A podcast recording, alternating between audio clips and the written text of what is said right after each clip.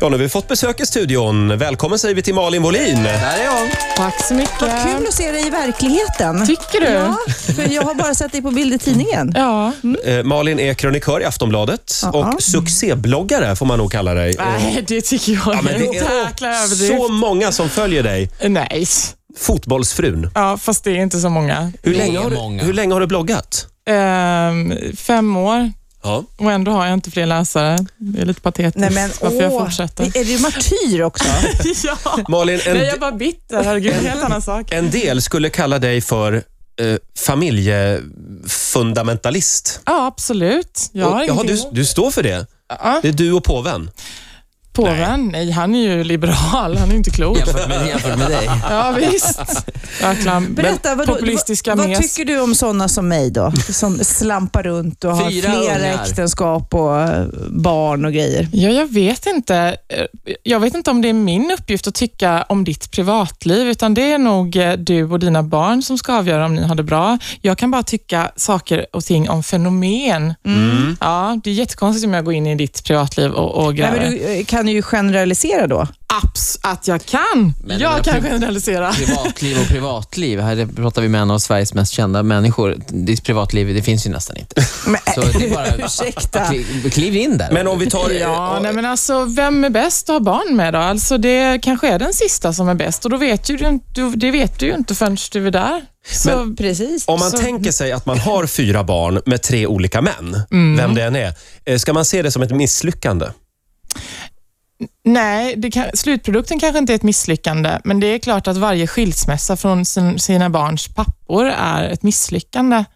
Mm. Det måste vi väl kunna säga. För nu, nu, jag vet vi ska komma in osökt på den här eh, Happy Happy-boken, Mm. som, som eh, Fucky Fucky-boken tycker jag vi kan kalla den för istället. Jag har inte läst den, jag kommer inte läsa den, för jag kommer bara bli så sur. Det här är den boken som kallas för Skilsmässoboken. Ja, det är Maria Sveland och eh, Katarina Wenstam som alltså har skrivit en bok Mm. som heter Happy Happy om eh, skilsmässor, att folk ska skilja sig mer. Ja, för det är så... fa- Mer? Ja. Varför då? Bara för sakens skull? Nej, för då mår man bättre och det blir, det, livet blir så mycket härligare och sen när man har varannan vecka-liv med barnen så kan man ha, träffa sina väninnor, man kan träna och gå ut och ta drinkar och sånt där. Mm, man är vild och skild. Ja, precis. Och ehm, jag tycker, och då, då menar de på att man ska inte, om man hör att någon har skilt sig så ska man inte säga så här, åh vad tråkigt, utan då ska man säga, grattis, det är nu livet börjar, fan vad kul för dig. Men jag tänker inte göra det, utan jag tänker säga, vad tråkigt, och sen kan väl det bli bra ändå. Men först måste man väl kunna ändå få för sin Jag sa egen ju- Mm. del kunna säga att det är ett misslyckande, och sen, men, det, men det var ändå det rätta Fast det valet. är väl rätt bra att ha peppande kompisar som inte eh, säger gud vad tråkigt direkt när man försöker ta sig ur en deppig skilsmässa. Men om man mår jättedåligt och tycker att det är tråkigt och så kommer någon och säger, fan vad kul för dig.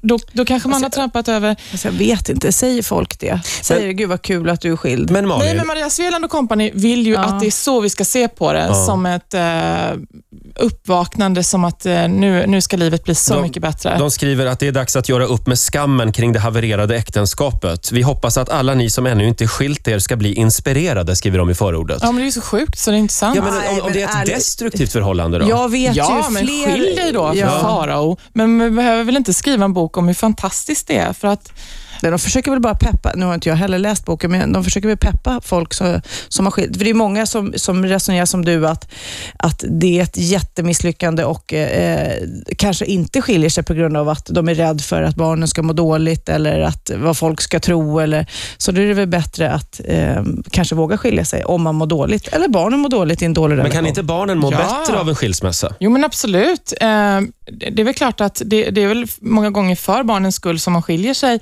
men för det så behöver det inte betyda att barnen går igenom skilsmässan med ett leende. Nej. För det är ju ett trauma för dem i större eller mindre utsträckning. Svårt att tro. Jag tror det är vi överens om, att om man går igenom en skilsmässa med ett leende, då är det något som är fel, va? Eller? Ja, eller eh, mamman och pappan kanske gör det, men jag Nej, tror ju det att barnen tror har nog rätt lätt att hålla sig för skratt. När jag har skilt mig eh, och båda har varit med på det verkligen, så har det ändå varit tråkigt, eh, tycker jag. Och en sorg. Men sen har du blivit kompis med dina ex-män. Ja, det har jag varit hela tiden. Ja. Men, men jag som har barn både på hel och halvtid sådär, måste ju säga att det är en stor förlust att inte ha barnen heltid. Det är inget roligt att ha delad vårdnad.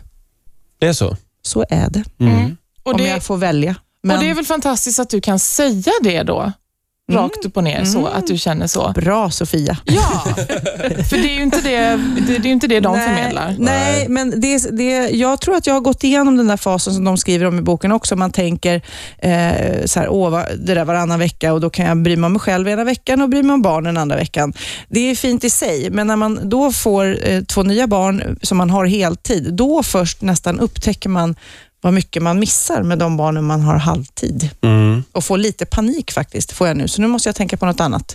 Det är Ja, en men- nya bok jag tänker på. Nu ska jag tänka på den nya Men boken. när man pratar om försäljning och sånt där så pratar man ju om att man ska göra det lätt för kunden att köpa. Och Det Mm. här är ju lite samma sak. Här, eh, i- med den här boken då, så försöker de göra det lättare för folk att, att skilja sig, om jag har förstått det Ja. rätt. Och Det ska bli li- lite lättare att t- trumfas över det trappsteget. Och Det är det här som du är emot, eller? Ja, för att jag tycker inte att det är ett tabu att skilja sig idag. Det känns som att, vad var de här brudarna för 50 år sedan? Ja, de var inte födda i och för sig, men hallå, det är 2011, folk skiljer sig hela tiden. Vad är det de, vad är det de tror att de har uppfunnit hjulet eller?